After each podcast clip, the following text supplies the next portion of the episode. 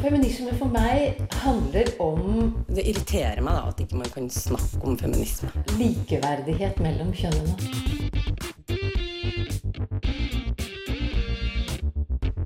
Det blikket på kvinnen på film. film. handlet det om å bli tatt på alvor som jente. Du hører på Et eget rom på Radio Nova.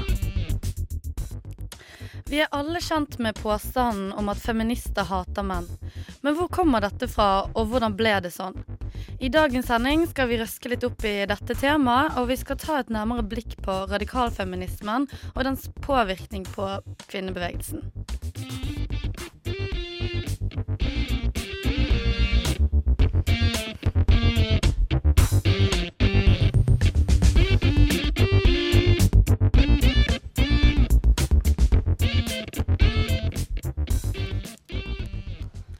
Ja, klokken er ett minutt over ti, og du hører på et eget rom her på Radio Nova.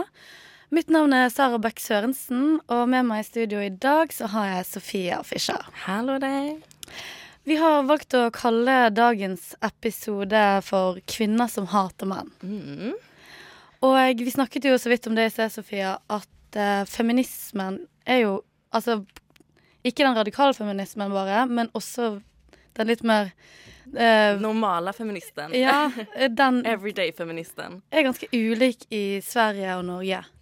Uh, ja, det har vel vært en uh, mer radikal feministbevegelse i Sverige, skulle jeg nå kunne ganske klart si. Ja, du syns det? Ja. For nå har du bodd i Norge en liten stund, så du har kanskje ja, og det er mange jeg har snakket med som er feminister som sier det også, at den er mye mer radikal i Sverige. Og det varit en, en helt annerledes debatt kring feminismen i Sverige kontra, kontra Norge.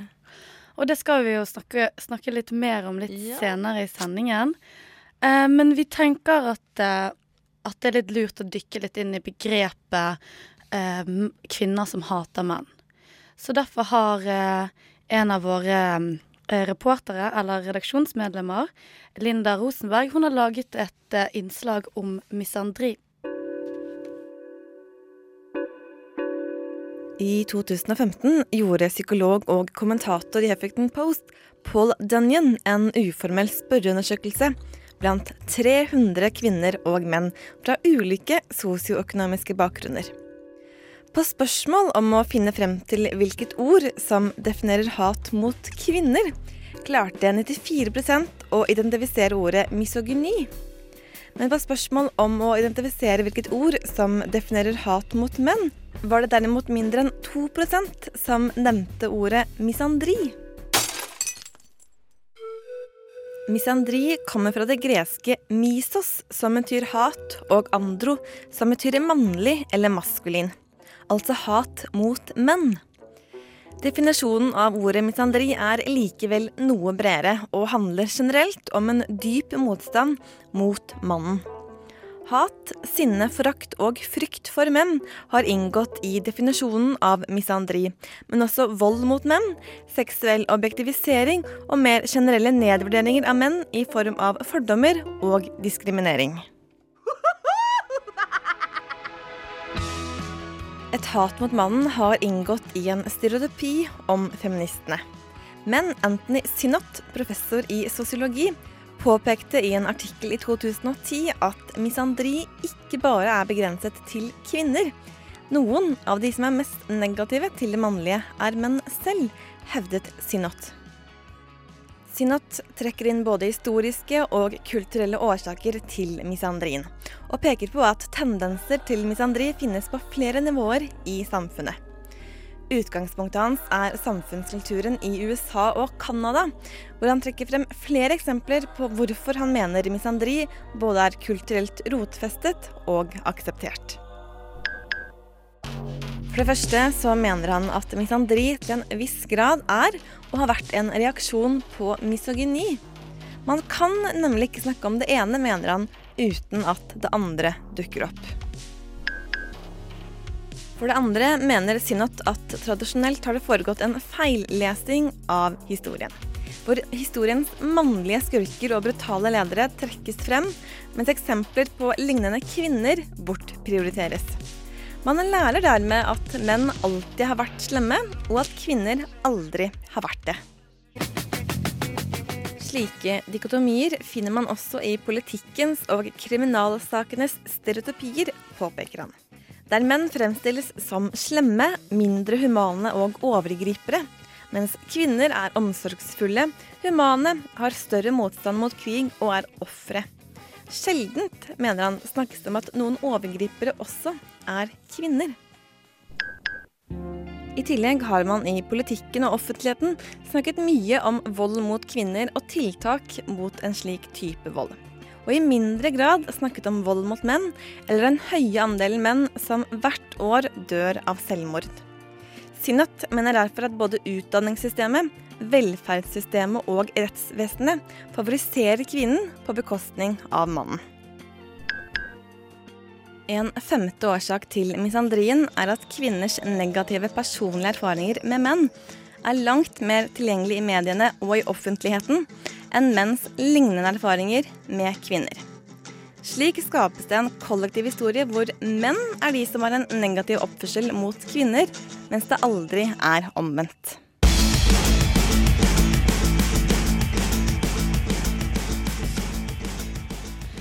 Ja, det var Linda Rosenberg som laget, eh, hadde laget dette innslaget. Nå skal vi høre litt eh, musikk her. Det blir Blair med 'Wake Up Shake Up'.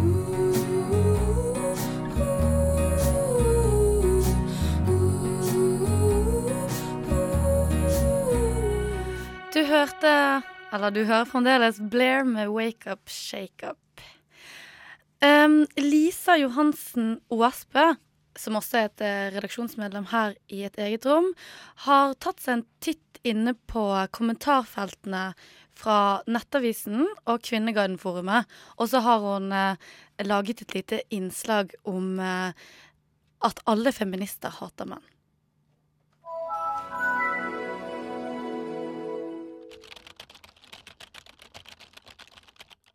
Jeg er en 34 år gammel mann som ikke forstår greia med feminisme. Kvinner og menn i dag har samme rettigheter, og det har vi hatt i 100 år nå. Hvorfor finnes det kvinner som fortsatt bitcher om hvor ille menn er, og hvor mye de hater menn? Og hvorfor hater de menn? Jeg elsker menn fordi de er logiske og rasjonelle. De handler ikke ut fra følelser, sånn som kvinner gjør.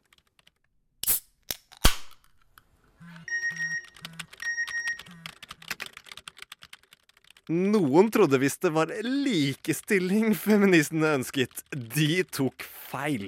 Det de egentlig ønsket, var å ta rotta på mannen. Mannehatet dyrkes som aldri før.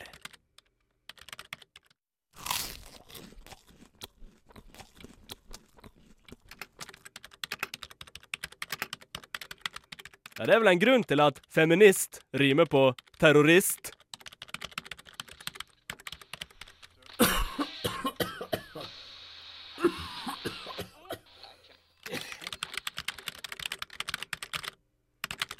Ottar er jo de kvinnene som hater menn og protesterer utafor 59 Shades of Grey. Disse feministene har ingenting til verdi å tilføre samfunnet.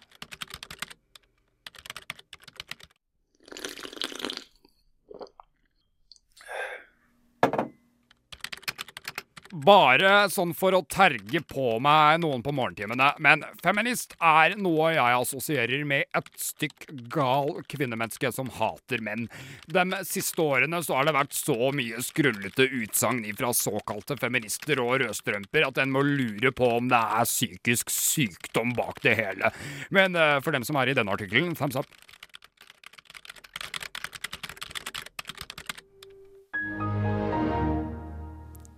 Ja, det var altså ekte kommentarer fra angivelig norske menn som har kommentert rundt det i norske forum.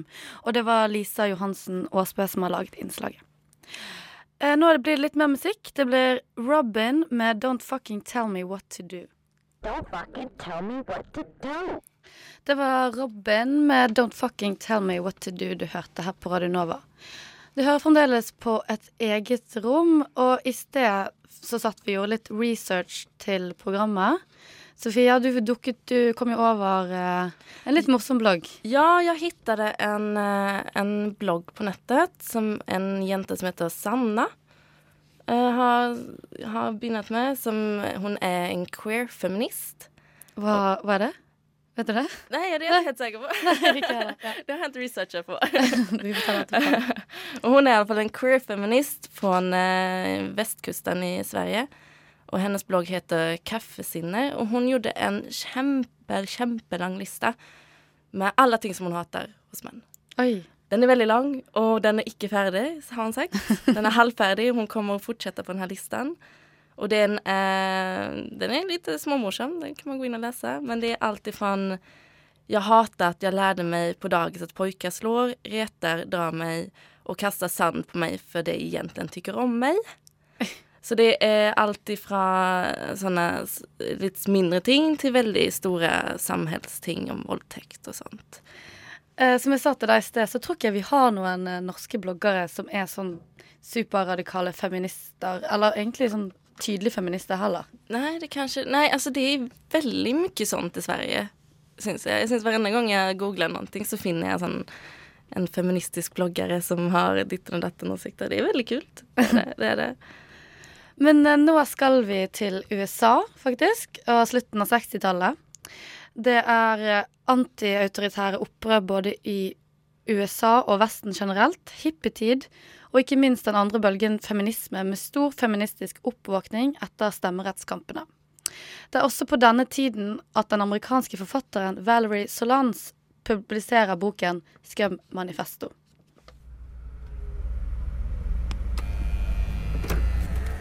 I 1967 publiserte Valerie Solanas Scum Manifesto. Et ekstremt overveldende, voldsomt og voldelig manifest der Scum både kan leses som Society for Cutting Up Men og Skum som Havskum. For å finne ut mer om hvordan man kan forstå og lese denne teksten her, så har jeg besøkt frilansforsker og forfatter Wenche Myrlesen, som har skrevet forordet til den norske utgaven av manifestet. Eline. Hyggelig. Fint å være her. Siden livet i dette samfunnet i beste fall er urkjedelig, og siden ingen aspekter ved det overhodet finnes relevant for kvinner, gjenstår det bare for samfunnsbevisste, ansvarlige, spenningssøkende kvinner å styrte regjeringa, utradere pengesystemet, iverksette fullstendig automatisering og tilintetgjøre det mannlige kjønn. Sitat slutt. Vil du begynne med å si litt om hvem eh, Solanas var? Ja, hun er jo veldig myteomspunnen, og det fins eh, Ikke alt er verifiserbart, men altså, vi vet at hun er født i Venture City i New Jersey i 1936. Og hun selv hevdet at hun i en årrekke ble utsatt for seksuelle overgrep av sin far. Så sies det, men det er heller ikke sikkert, eh, at hun ble gravid da hun var 15 og fødte en sønn. Og på den tiden var hun hjemløs, men klarte likevel å gjennomføre high school i 1954. Det er ganske tøft altså, å forestille seg. Og hun avla en eksamen i psykologi ved Universitetet of Maryland. Og finansierte studiene ved å ta ekstra arbeid ved det psykologiske fakultetets dyrelaboratorium. Etter eksamen så arbeidet hun ett år som forsker innen psykologi ved det samme universitetet. Og det ble antatt at hun forsørget seg gjennom prostitusjon og tigging. Helt til hun i 1966 bosatte seg i Greenwich Village. Og i 1966 så skrev hun et stykke som het 'Up Your Ass'. Som handler om en mannshatende kvinne som tigger og prostituerer seg. Og i løpet av 60-tallet så skrev hun og publiserte selv det som ble Skum-manifestet, som hun solgte i kopier på kafeer rundt omkring på Greenwich Village. Spørsmålet dukker raskt opp når man blar seg gjennom de ekstreme sidene. Hvordan skal Solanas manifest egentlig forstås? Bokstavelig eller som en satire? Myrlesen forklarer at hun syns det mest nærliggende er å lese det som en parodi på selve manifestsjangeren, og som en litterær fantasi heller enn et politisk skrift. Det er veldig naturlig å lese manifestet som et manifest. Et utopisk manifest.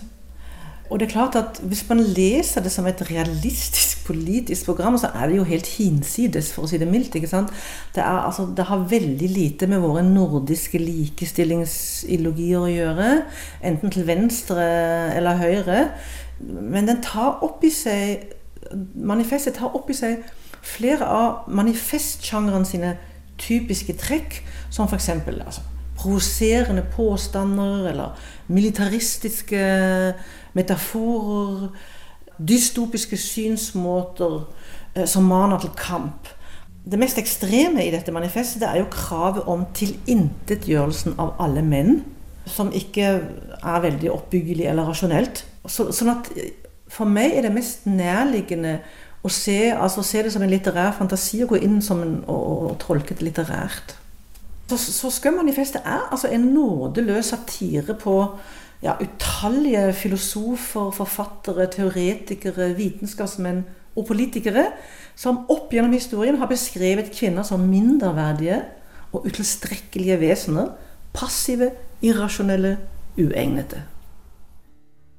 Noe av det som virkelig har gjort Solanas kjent, er at hun skøyt Andy Warhol. Myrlesen mener en gjennomgående tendens er at skum også leses i lys av nettopp det her, og at det fører til en problematisk mottakelse av skum.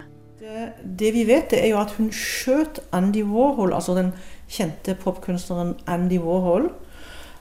Hvis man tenker på Skum-manifestet med sine morderiske oppfordringer om å ta livet av alle menn, så er, Og hvis man også tenker på en nokså sånn seiglivet tendens til å lese tekster som symptomer på forfatterens liv og intensjoner, eh, så er det ikke å undre seg over at den skyteepisoden har overskygget dette manifestets litterære potensial, rett og slett. Eh, men hun møtte, og det, det vet vi, hun møtte Andy Warhol i 1967 uh, i hans studio, det som het The Factory på Manhattan. Og han hadde sans for det teaterstykket som het 'Up Your Ass', som hun skrev, og lovte å lese det og vurdere stykket. Eh, men han svarte aldri, ikke sant? og hun begynte å ringe han opp om igjen og om igjen og kreve at han skulle levere tilbake manuskriptet. Altså Dette her var før uh, internettet så før det var lett å ta kopier. Og, altså For henne var manuskriptet i seg selv verdifullt. Hun hadde liksom ikke noen annen versjon. Og da tilsto han at han hadde mistet manuskriptet. Så krevde hun betaling, eh, som han ignorerte. Og Solanas mente selv at han hadde ødelagt for hennes muligheter, og den 3. juni 1968 så skjøt Valerie Solanas Andy Warhol med tre skudd. Og hun skjøt også kunstkritiker, en kunstkritiker som het Mario Amaya, og forsøkte å skyte Warhols manager, som het Fred Hughes, men mislyktes. Warhol ble faktisk livstruende skadet, men overlevde. Hun meldte seg frivillig til politiet, eh, og hun ble dømt til tre års fengsel. Og denne dommen ble antageligvis en god del mildere enn den kunne ha blitt, fordi at Andy Warhol ville ikke vitne mot henne. Og øh, ja, hun ble fengslet rett etter at Skøm-manifestet ble publisert i Olympia Press, som det het, i 1968. uavhengige, passive, huslige, dyriske, hyggelige, usikre, bekreftelses- og trygghetssøkende, feige, ydmyke, respektfulle overfor autoriteter og menn, lukkede, delvis umottagelig, halvdøde, trivielle, kjedelige, konvensjonelle, platte, utflatede og gjennomført foraktelige er disse kvinnelige medløperne.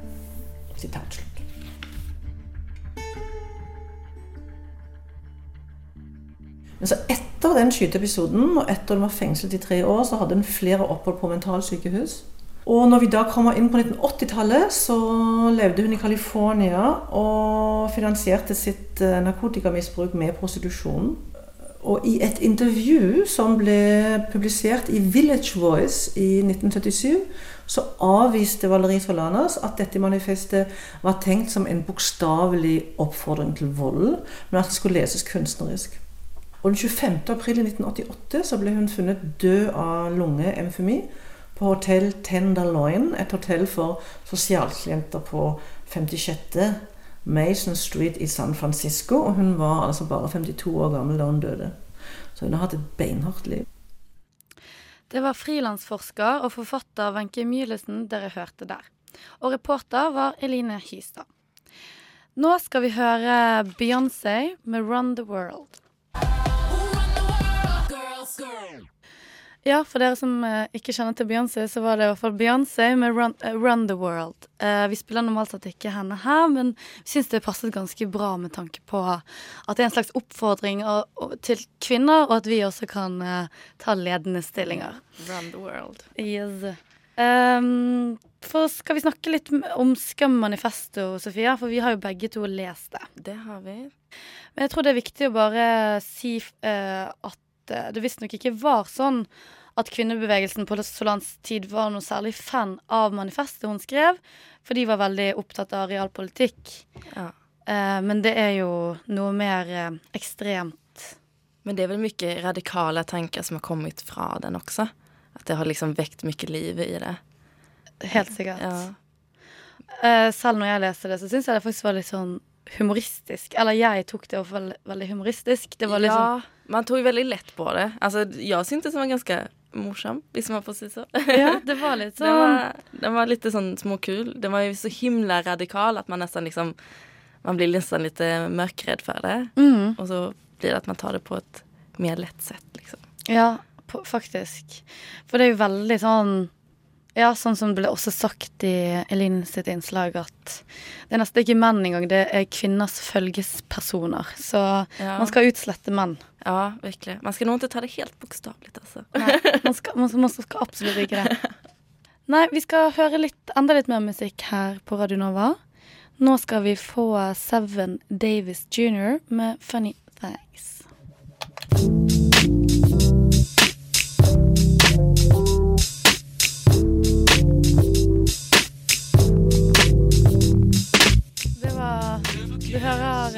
Eh, Davis Jr. med 'Funny Thanks'.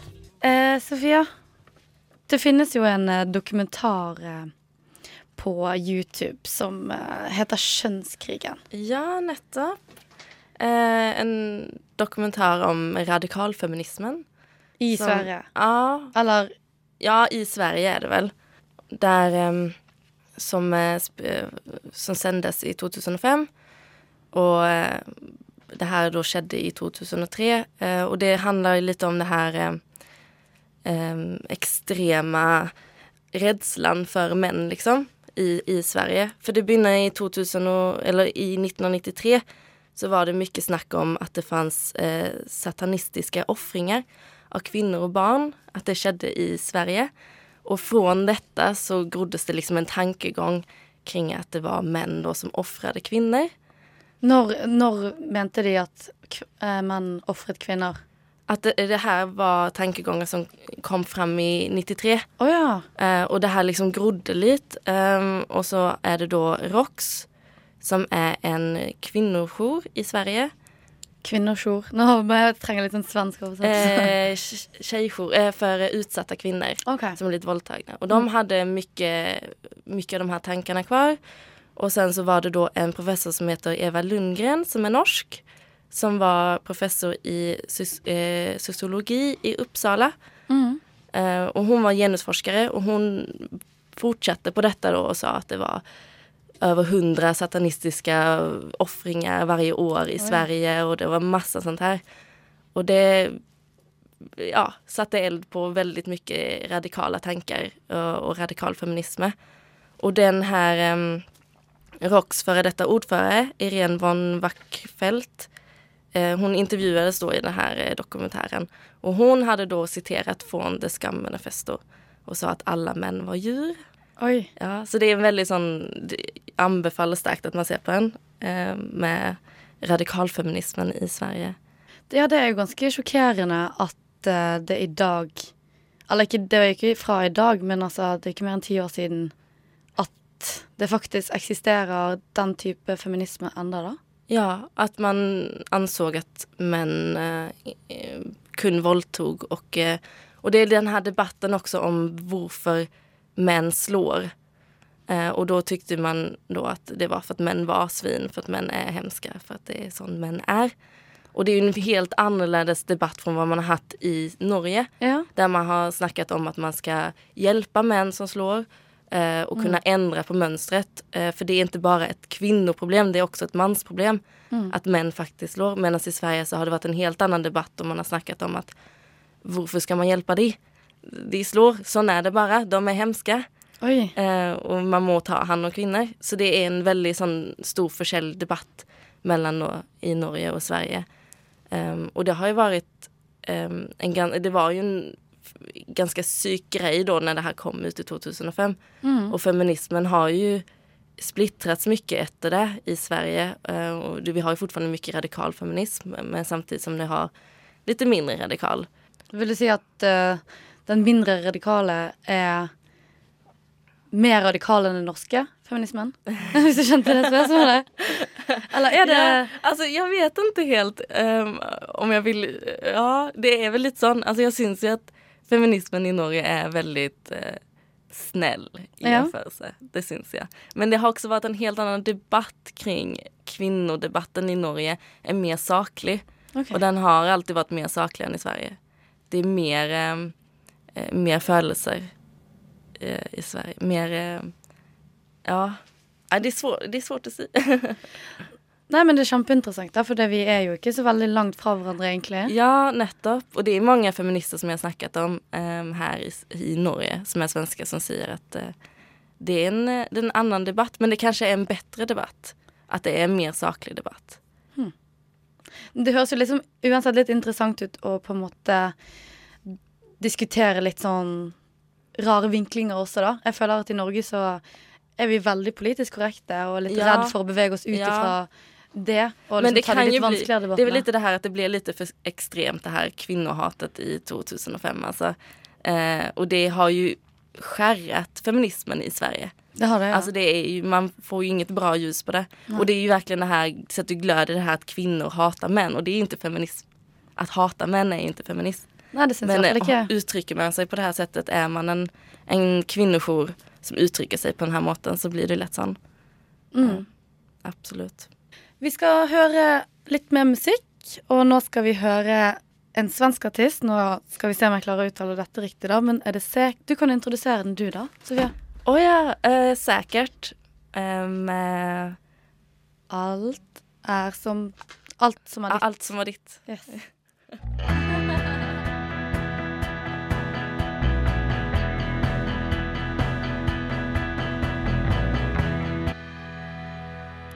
Det var sikkert med alt som er ditt, som synger om eh, å skyte alle voldtektsmenn. Så det er vel en eh, radikal feministisk svensk låt vi akkurat hørte.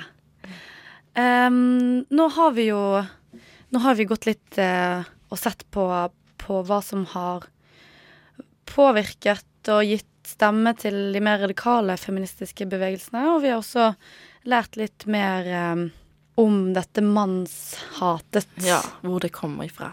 Yes. Og nå skal vi, eh, skal vi høre litt uh, om hva professor Tone Hellesund har å si om dette. For hun er nemlig professor i kulturvitenskap ved Universitetet i Bergen. Og for noen år siden så samarbeidet hun med en annen professor herfra, fra Universitetet i Oslo. Uh, professor ved Senter for kvinne- og kjønnsforskning. De samarbeidet, eh, med, eh, samarbeidet i en studie som, var, eh, som gikk på kvinnebevegelsen fra 1970 og dets påvirkning da, til i dag. Mm. Så ja, da studien het 'The Impact of the Contemporary Women's Movement'. Hvis det lager noe mer mening enn det jeg sa. Så da stilte jeg henne spørsmålet hvilken nytte har den mer radikale kvinnebevegelsen gjort for kvinners rettigheter? Og det innslaget, intervjuet skal vi høre nå.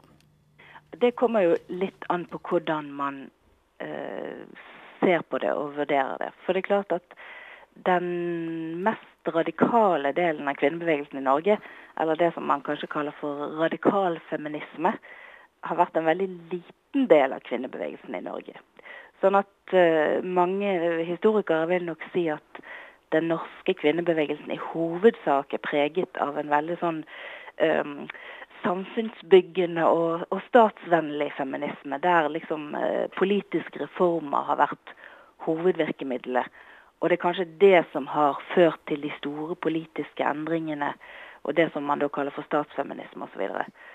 Men så er jo det du er opptatt av, er jo eh, på en måte det som vi kjenner som eh, sant, BH-brennende, bannerbærende, ropende feminister fra 1970-tallet osv. Og, så og det er klart at det var også en veldig viktig periode i forhold til de forståelsene vi har av uh, kjønnsrelasjoner osv. i dag. Uh, og ikke minst var det viktig fordi at det ble en veldig sånn? Det var mange politiske vekkelser på 1970-tallet, og feminismen var en av de der veldig mange unge, både kvinner og menn, ble veldig engasjert i at nå måtte vi på en måte få nye relasjoner mellom kjønnene. Eh, og vi måtte på en måte få en endring i samfunnet, og at de patriarkalske strukturene var veldig eh, problematiske både for kvinner og menn osv. Så sånn at du hadde absolutt elementer av eh, den radikalfeministiske bevegelsen som, som kanskje var de som ble synligst da i i medier osv. Altså det er klart at Mediene liker alltid de mest eh, radikale delene av bevegelsen, mm. og, og, derfor så fikk, fikk, de mest radikale delene av bevegelsen også ganske stor plass. Er det, eller, hvorfor er det egentlig en myte at feminister hater menn? ja, det kan jo selvfølgelig diskuteres. uh, men det er klart at den påstanden og beskyldningen om at feminister hater menn, den har uh, eksistert helt fra feminismens begynnelse på, på midten av 1850-tallet. Sånn at, at uh, det på en måte å beskylde feminismen for å være en samfunnsoppløsende bevegelse som ødelegger eh, familien og relasjonen mellom kjønn osv., er noe som kvinnebevegelsen hele tiden har blitt beskyldt for, og som hele tiden på en måte har vært i, i dialog med eller gått i forsvar på.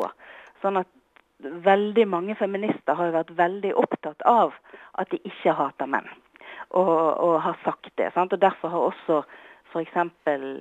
de lesbiske delene av kvinnebevegelsen blitt opplevd som ganske problematisk av en del av de heterofile feministene. Mm. Fordi at lesbiske feminister blir, kommer på en måte enda nærmere mannshat og blir enda mer truende og på en måte kan potensielt trekke hele femini den feministiske bevegelsen i tvil. Sant? Fordi mm. at uh, de ikke elsker menn osv. Så sånn at um, Jeg vil jo kanskje si at det er mer overraskende at vi finner så, li så lite eksplisitt mannshat i kvinnebevegelsen. Um, samtidig som dette var også diskusjoner innad i kvinnebevegelsen og noen, eh, f.eks.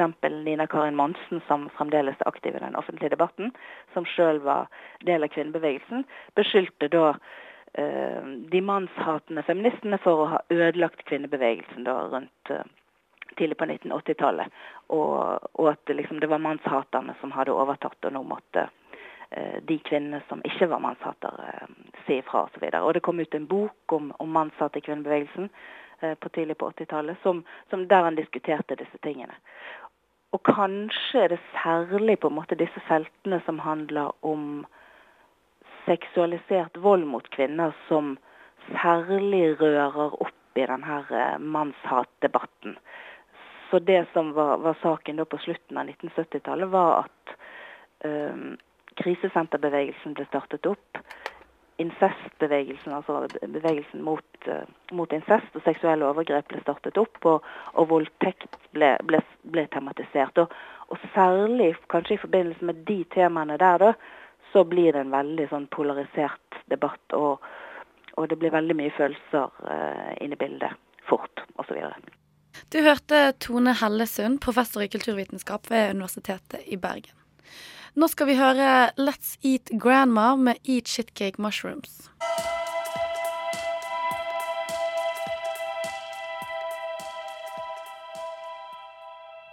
Det var låten Eat Shitcake Mushrooms med Let's Eat Grandma.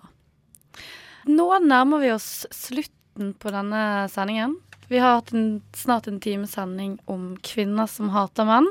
Og vi har prøvd å nøste litt opp i, opp i hva dette er. Ja, det har vært en tur det her. Altså, vi har grävt litt i hva, hva, det inneholder, det her radikalfeminismen og kvinner som hater menn. Mm. Det, jeg vet ikke om vi har blitt mye klokere på det. Nei, men eh, det har jo Vi har ikke blitt noe klokere. Det har vi kanskje ikke. For det er liksom vanskelig å, å bli klok på radikale Ja, nei, bevegelser. det er vanskelig å skjønne det helt, kan mm. jeg skjønne. Altså, jeg skjønner litt hvor det kommer ifra, men jeg skjønner ikke hvordan man kan gå så langt, liksom. Nei. Ja, enig der. Og som du sa i sted, så er jo på en måte Det er ikke de som har dratt oss fram, kanskje. Eller det er ikke det er ikke den kvinnebevegelsen som vi kjenner til, men med den mer radikale del, eller Ja, det er ikke den Ja, feminismen som, si. som i alle fall jeg har vært delaktig i. Nei, det var det. Det, det, det er det inte. Den er ikke riktig så radikal. Og det er vel litt det som kan føles litt trist med den här, den här liksom radikale you know, menn fortrykker oss og derfor hater vi menn-feminismen. For at det har liksom litt sånn dratt oss tillbaka. Det lager et lite sånn stygt namn for feminismen og det er ikke det feminismen egentlig er.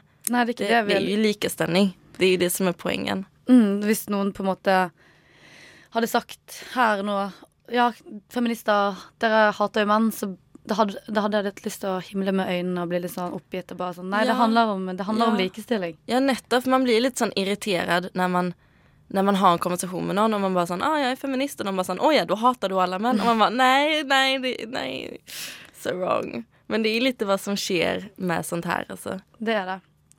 Men uh, vi er dessverre nødt til å avslutte, for vi har snart ikke mer tid. Men uh, hør på oss gjerne neste uke til samme tid, klokken ti. Uh, og da skal det handle om kvinner i krigen. Tusen takk for, til deg, Sofia. Takk selv. Takk, takk. Takk for meg. Eh, Mitt navn er Sara. Du finner reprise av dagens program på Radio Nords hjemmesider og på et eget rom Soundcloud. På gjenhør. koblet av.